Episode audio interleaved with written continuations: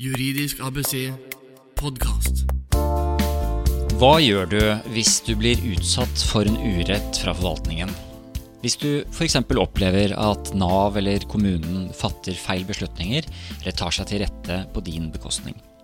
Eller at dine grunnleggende menneskerettigheter ikke respekteres. I dagens episode av Juridisk ABC podkast skal vi bli kjent med Sivilombudsmannen. Og Sivilombudsmannen er altså din vokter som beskytter den enkelte borger mot urett fra det offentlige, eller staten om du vil. I loven så står det at ombudsmannens arbeidsområde omfatter den offentlige forvaltning og alle som virker i dens tjeneste. Ombudsmannen har altså en voldsomt stor og viktig oppgave. Jeg syns derfor det var viktig at du som lytter til podkasten skulle lære mer om Sivilombudsmannen. Og eh, som vanlig her på podkasten så er vi bortskjemt med gjester. For personen som skal fortelle oss mer om Sivilombudsmannen, det er rett og slett Sivilombudsmannen selv, Åge Falkanger. Åge Falkanger ble da valgt av Stortinget for eh, inneværende stortingsperiode. Han er egentlig høyesterettsdommer. Få norske jurister har nok en like imponerende CV som Falkanger. Jeg skal gi dere et kort, lite utdrag. Han ble født i 1965 i Oslo og tok juridisk embetseksamen i 1991. Deretter arbeidet han som advokatfullmektig hos regjeringsadvokaten, det er altså regjeringens eget advokatkontor, og representerte da staten i sivile saker. Så var han dommerfullmektig fra 1992 i Nord-Troms herredsrett, før han i 1999 ble doktor juris, etter hvert stipendiat ved Det juridiske fakultet i Tromsø fra 1995. Falkanger fortsatte så som lagdommer i Hålogaland lagmannsrett frem til 2007, og var professor ved Universitetet i Tromsø fra 2007 til 2010. Videre var han konstituert dommer i Høyesterett først fra april til juli 2007, og så eh, videre i 2009. Så hadde han et opphold som fellow visitor ved ærverdige Cambridge University i 2007 til 2008, før han da ble dommer i Høyesterett fra fra 2010, og nå er sivilombudsmann i eh, den inneværende stortingsperioden, og tiltrådte da 16.6 i år. Vi har en fantastisk gjest her i podkasten i dag, og eh, velkommen hit, eh, sivilombudsmann Åge Falkanger. Yes, takk for det. Ehm, helt kort innledningsvis, kan du si noe til lytterne om uh, embetet Sivilombudsmannen? Hva, hva, er det for noe? Sivilombudsmannen er en uh, Sivilombudsmannen selv er en tillitsperson som er valgt av Stortinget. Og under ham er det jo da et kontor. Og han er valgt av Stortinget til å ivareta borgernes rettigheter. For å være helt presis så står det i loven at hans oppgave er å hindre at forvaltningen utøver urett mot borgerne. Mm. Så han leder da et eh, kontor, men det er han, eh, han leder et kontor, eh, men det er han som er eh, utpekt av Stortinget som tillitsmann. Så han og hans kontor er eh, sånn sett borgernes beskytter? Det er riktig. Borgernes beskytter mot urett fra eh, forvaltningen. Ikke urett fra andre privatpersoner, f.eks., eh, men forvaltningen. Men jeg tenker sånn, da jeg var eh, liten, så så jeg for meg at eh, staten gjorde aldri noe feil. Staten var fasit eh, på sett og vis. Hvorfor har man behov for å ha den type funksjon? Um, ja, staten gjør mye godt. Og um, hele vår velferdsordning er jo avhengig av et godt utviklet offentlig apparat. Men, bakgrunnen, men av og til kan staten ta feil. Og dette ble kanskje eh, klart eh, særlig under fremveksten av velferdsstaten etter krigen. Da økte den offentlige administrasjonen veldig i omfang. Og hver og en borger ble veldig avhengig av den offentlige administrasjonen. Dette førte til at eh, en del eh, borgere de eh, klaget til stortingsrepresentanter. De gikk direkte til stortingsrepresentantene og sa til dem at nå må dere passe på at forvaltningen, den annen statsmakt, ikke utøver urett mot meg. Og det var selvfølgelig uoverkommelig for de enkelte stortingsrepresentanter å ivareta en slik funksjon. Så Derfor så eh, vokste tanken frem om en forvaltnings... Eller en, en, en ombudsmann for forvaltningen. Stortingsrepresentantene, eller Stortinget, tenkte simpelthen som så at dette klarer ikke vi å gjøre på egen hånd. Vi har andre ting. Vi skal gi lover, og vi skal bevilge penger. Og vi skal eh, holde regjeringen i ørene. Den parlamentariske mm. Og derfor så eh, kom de på den tanke, etter, etter dansk mønster, må vel kunne si, at vi utnevner en spesiell person som skjøtter denne funksjonen for oss. Og det var altså Sivilombudsmannen. Og i dag er, jo, er det du som er den personen, og eh, da ditt kontor. Kan du si litt mer om eh, hvordan er det Sivilombudsmannens kontor er organisert? Altså hvor store er dere, og, og, hvor mange klager er det dere behandler gjennom et år? Ja, vi er i dag oppunder 60 personer, ca. 40 jurister. Og uh, resten administrativt ansatte. Det er noen andre der også som jeg kan komme tilbake til. Men eh, vi er da delt inn i eh, seks eh, divisjoner. Uh, opprinnelig var det ikke divisjoner i det hele tatt, men så fant man ut at det var vanskelig å beherske alle rettsområder, så man fant at her må spesialisering til.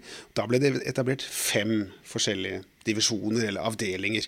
Og hver avdeling er ledet av en kontorsjef. En avdeling jobber f.eks. mye med eh, offentlighet og innsyn.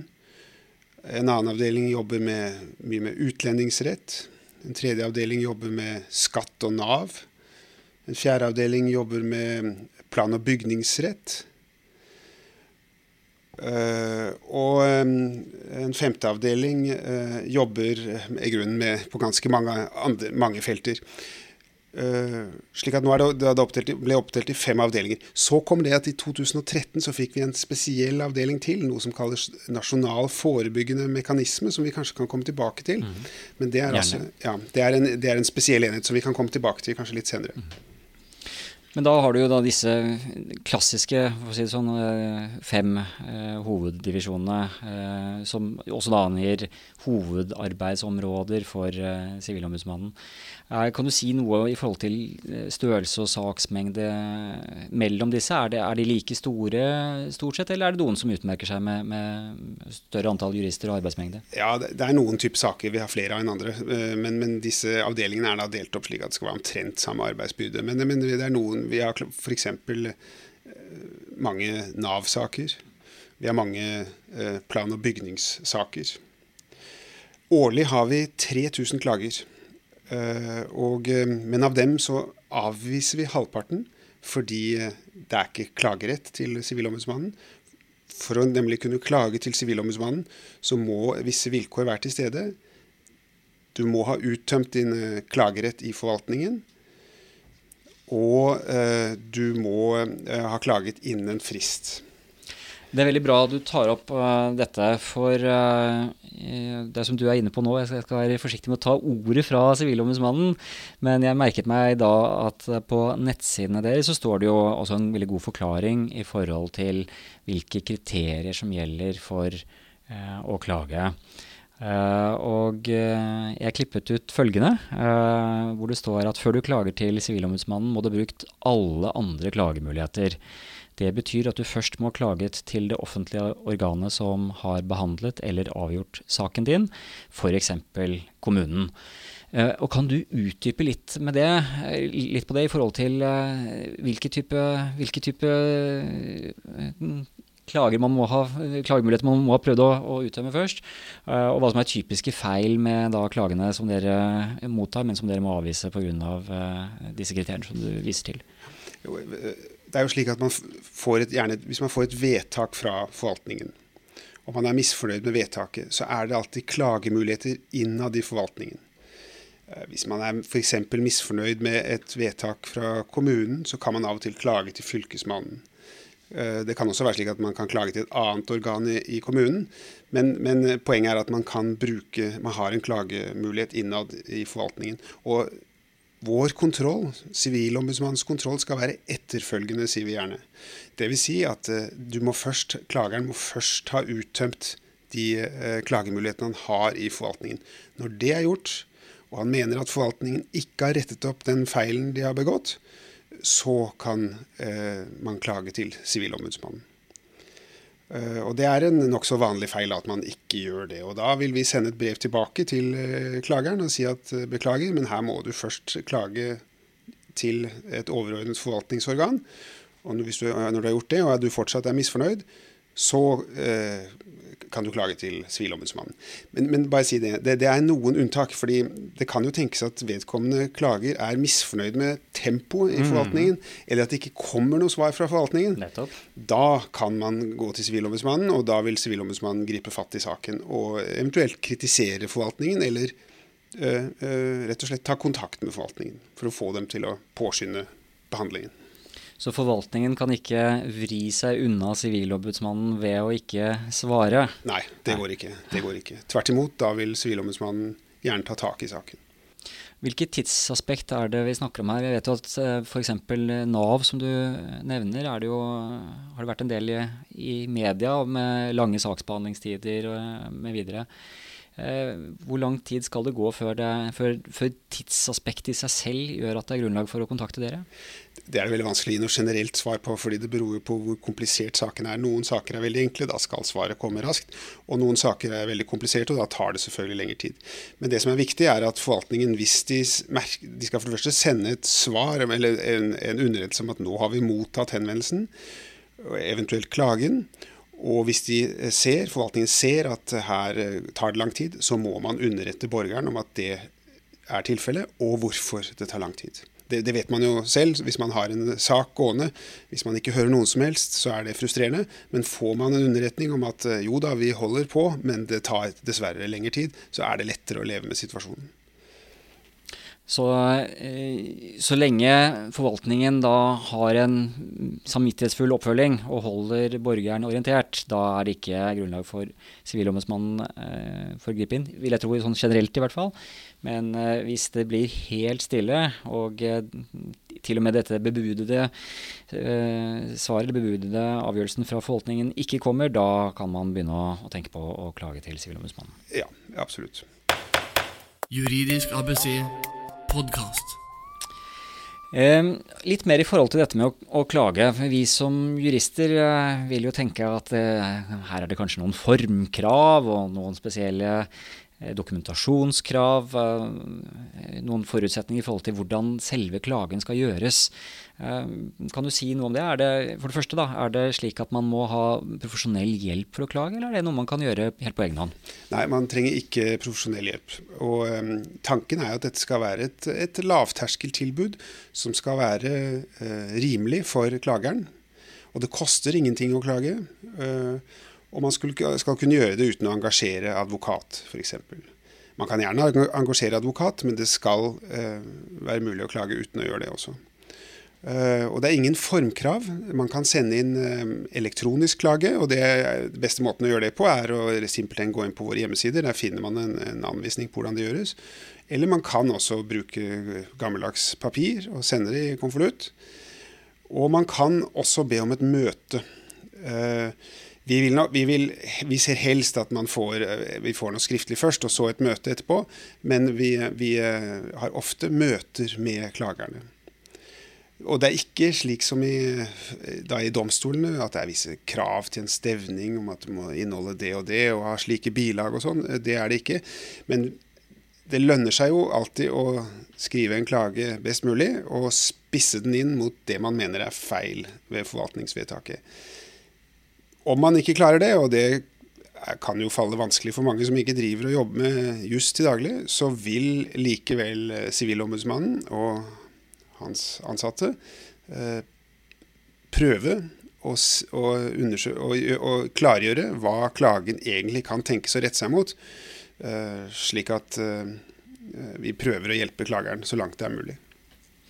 Så det høres litt ut for meg som samme prinsipp som eh, overfor eh, domstolene. Hvis man, hvis man, da er selvprosederende og kontakter en, en domstol i forhold til å, å, fremme et krav, så har også retten en veiledningsplikt. At det er litt, litt det samme som gjelder her i forhold til Sivilombudsmannen? Ja, ja det, er en, det, er en, god sammenligning. Jeg vil kanskje si at uh, vår veiledningsplikt går enda lenger. Men, uh, men det, er en, det er en god sammenligning. Kontoret deres er i eh, Oslo, så hvis man skal ha fysisk møte, så må man vel da komme til hovedstaden. Ja. Men telefonmøte er kanskje også en praktisk måte å gjøre det på? Det går an, og det er mange som henvender seg til oss eh, per telefon. Eh, og snakker med saksbehandlerne og redegjør for sine synspunkter. Så det er absolutt mulig. Ok, så en Foreløpig oppsummering. Eh, det er et vidt spekter av saker dere behandler. Eh, og da også selvfølgelig et vidt spekter av saker man kan bringe inn for Sivilombudsmannen. Ehm, det er en eh, veiledningsplikt som ligger hos ombudsmannen og de ansatte der. Og man får sånn sett veiledning og hjelp i forhold til å få satt opp klagen. Ehm, hva skjer etter at klagen er inngitt? Kan du si noe i forhold til videre saksbehandling? Noen blir altså silet, forstår vi. Da får man vel en rask tilbakemelding om det? Ja, de blir avvist på formelt grunnlag. Ja. Uh, det, det, må jeg også nevne, at det kan ofte skyldes også at de uh, gjelder noe som under, ligger under domstolene. Hvis det løper en sak for domstolene, eller har falt en avgjørelse i domstolene, så overprøver vi ikke vi det. Da avviser vi saken. Vel, halvparten av klagene blir avvist av formelle grunner.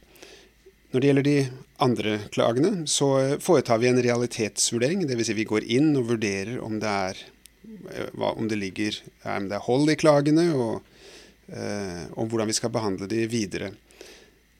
Noen av klagene ser vi etter en slik vurdering at de ikke har så mye for seg, eller at vi i hvert fall finner grunn til å ikke gå videre ved, med saken. Um, hvis vi finner grunn til å gå videre med saken, så oversender vi eh, klagen til vedkommende forvaltningsorgan og ber dem svare på klagen og også legge frem relevant dokumentasjon. Så får man da et svar fra forvaltningen, og den vil man oversende til, det vil man oversende til klageren, som igjen gir sine kommentarer til forvaltningens merknader. Og så vil man ha en, det vi kaller en kontradiktorisk prosess, dvs. Si at partene får lov til å eh, uttale seg om hverandres synspunkter, og så vil vi til slutt komme med en uttalelse.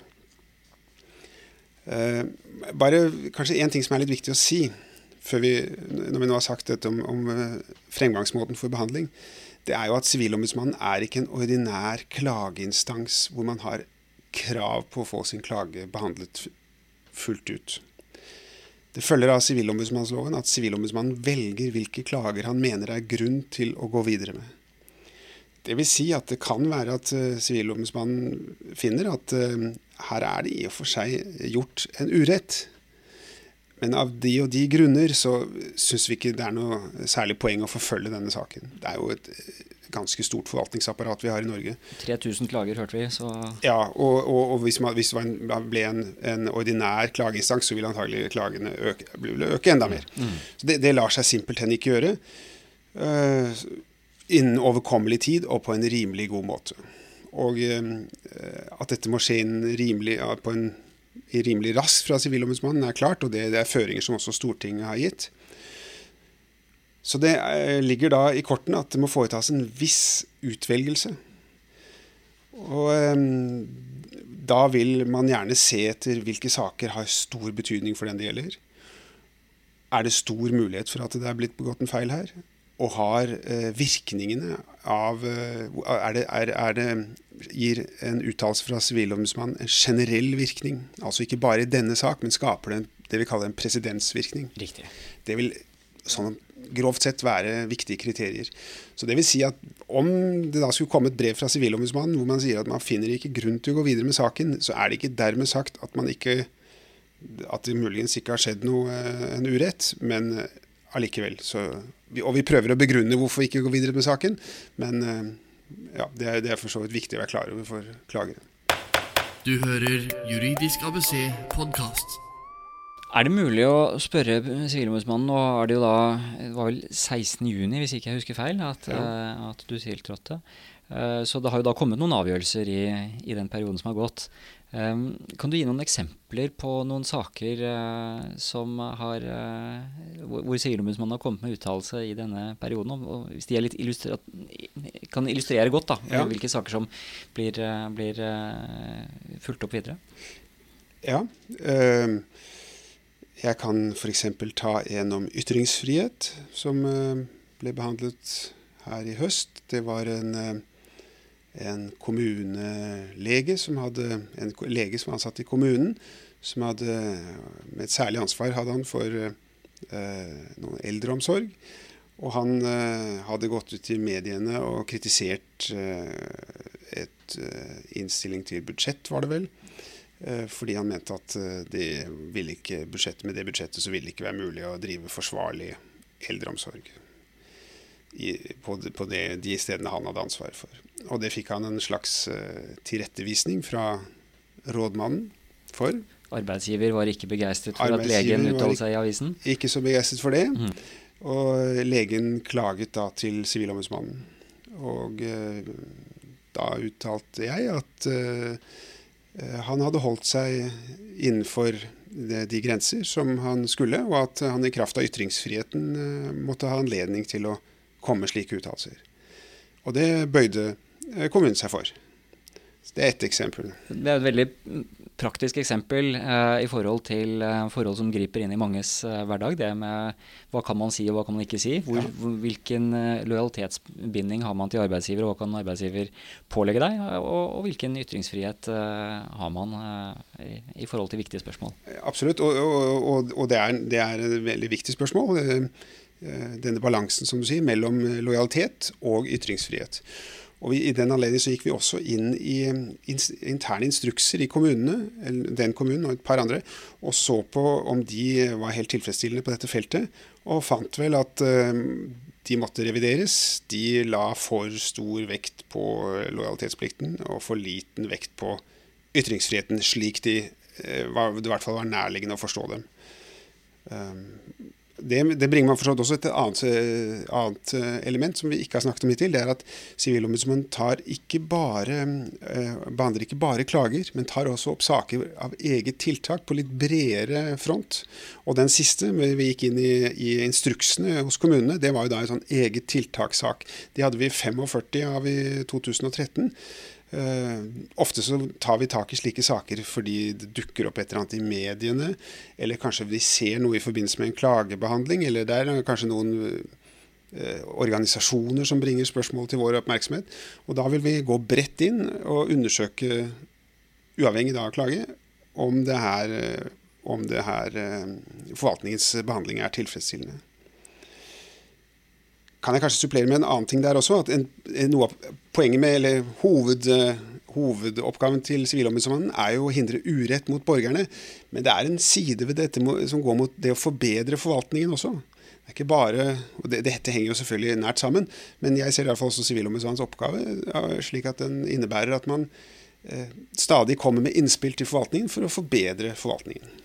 Ja, man vil jo tenke det at eh, det er selvfølgelig det organ som eh, får en henvendelse fra Sivilombudsmannen med forespørsel om mer informasjon og utlevering av dokumentasjon, eh, vil vel oppleve det som at man blir kikket litt i kortene, at man, blir, man får en særskilt oppmerksomhet.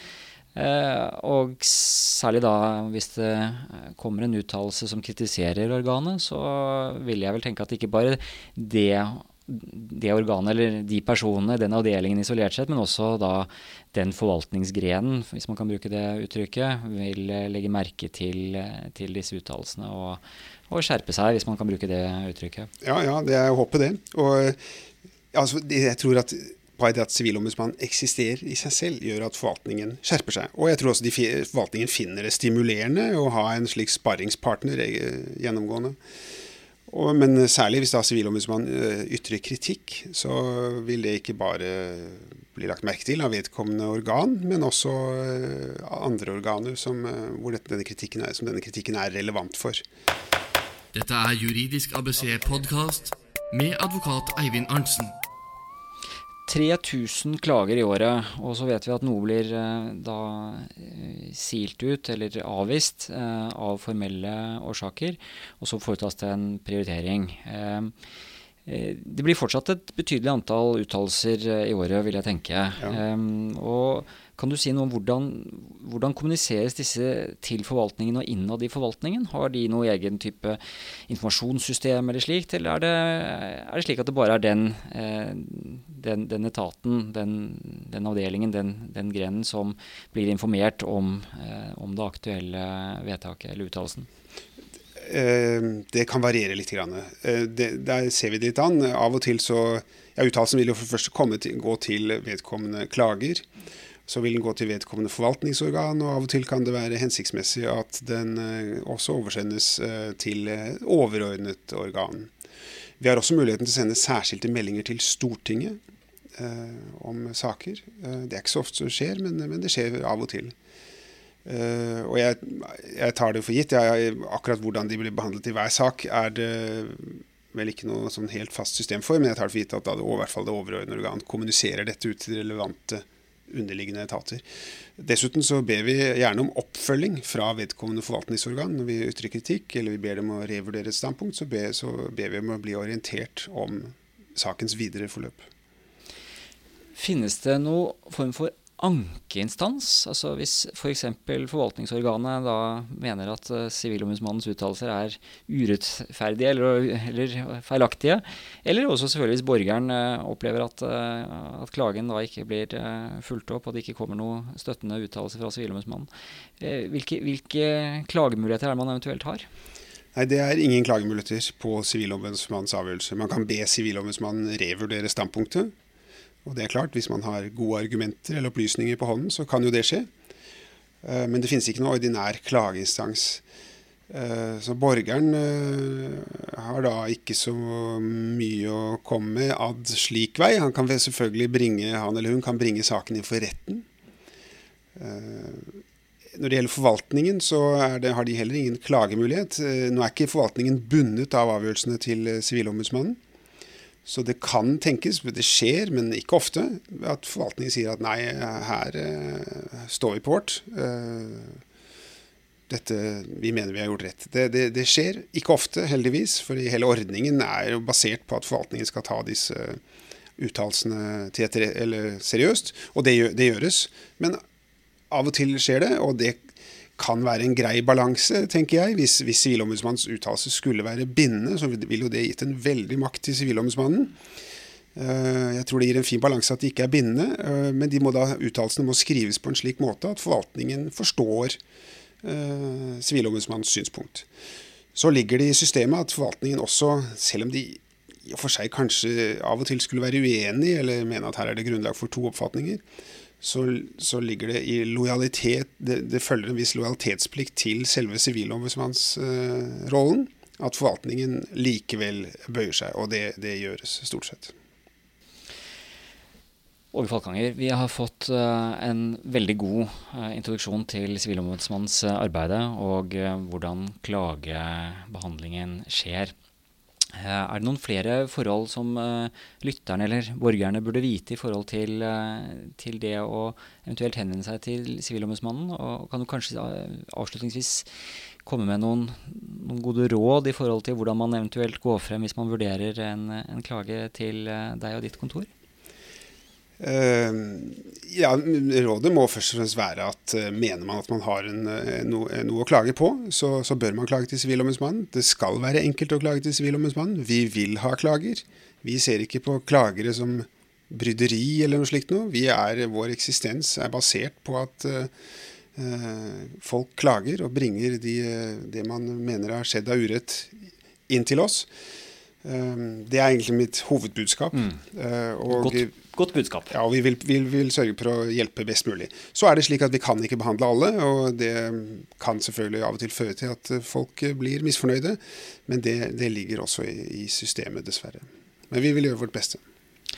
Og Hvis man vil vite mer om Sivilombudsmannen og de temaene vi har snakket om nå, da kan man gå inn på sivilombudsmannen.no. Ja. Og finne mer informasjon der. Vi legger også ut lenke fra juridiskabc.no til Sivilombudsmannen. Ja, eller eventuelt eh, rette en telefonisk eh, forespørsel til Sivilombudsmannen. Da legger vi også ut den type kontaktinformasjon på nettsidene våre.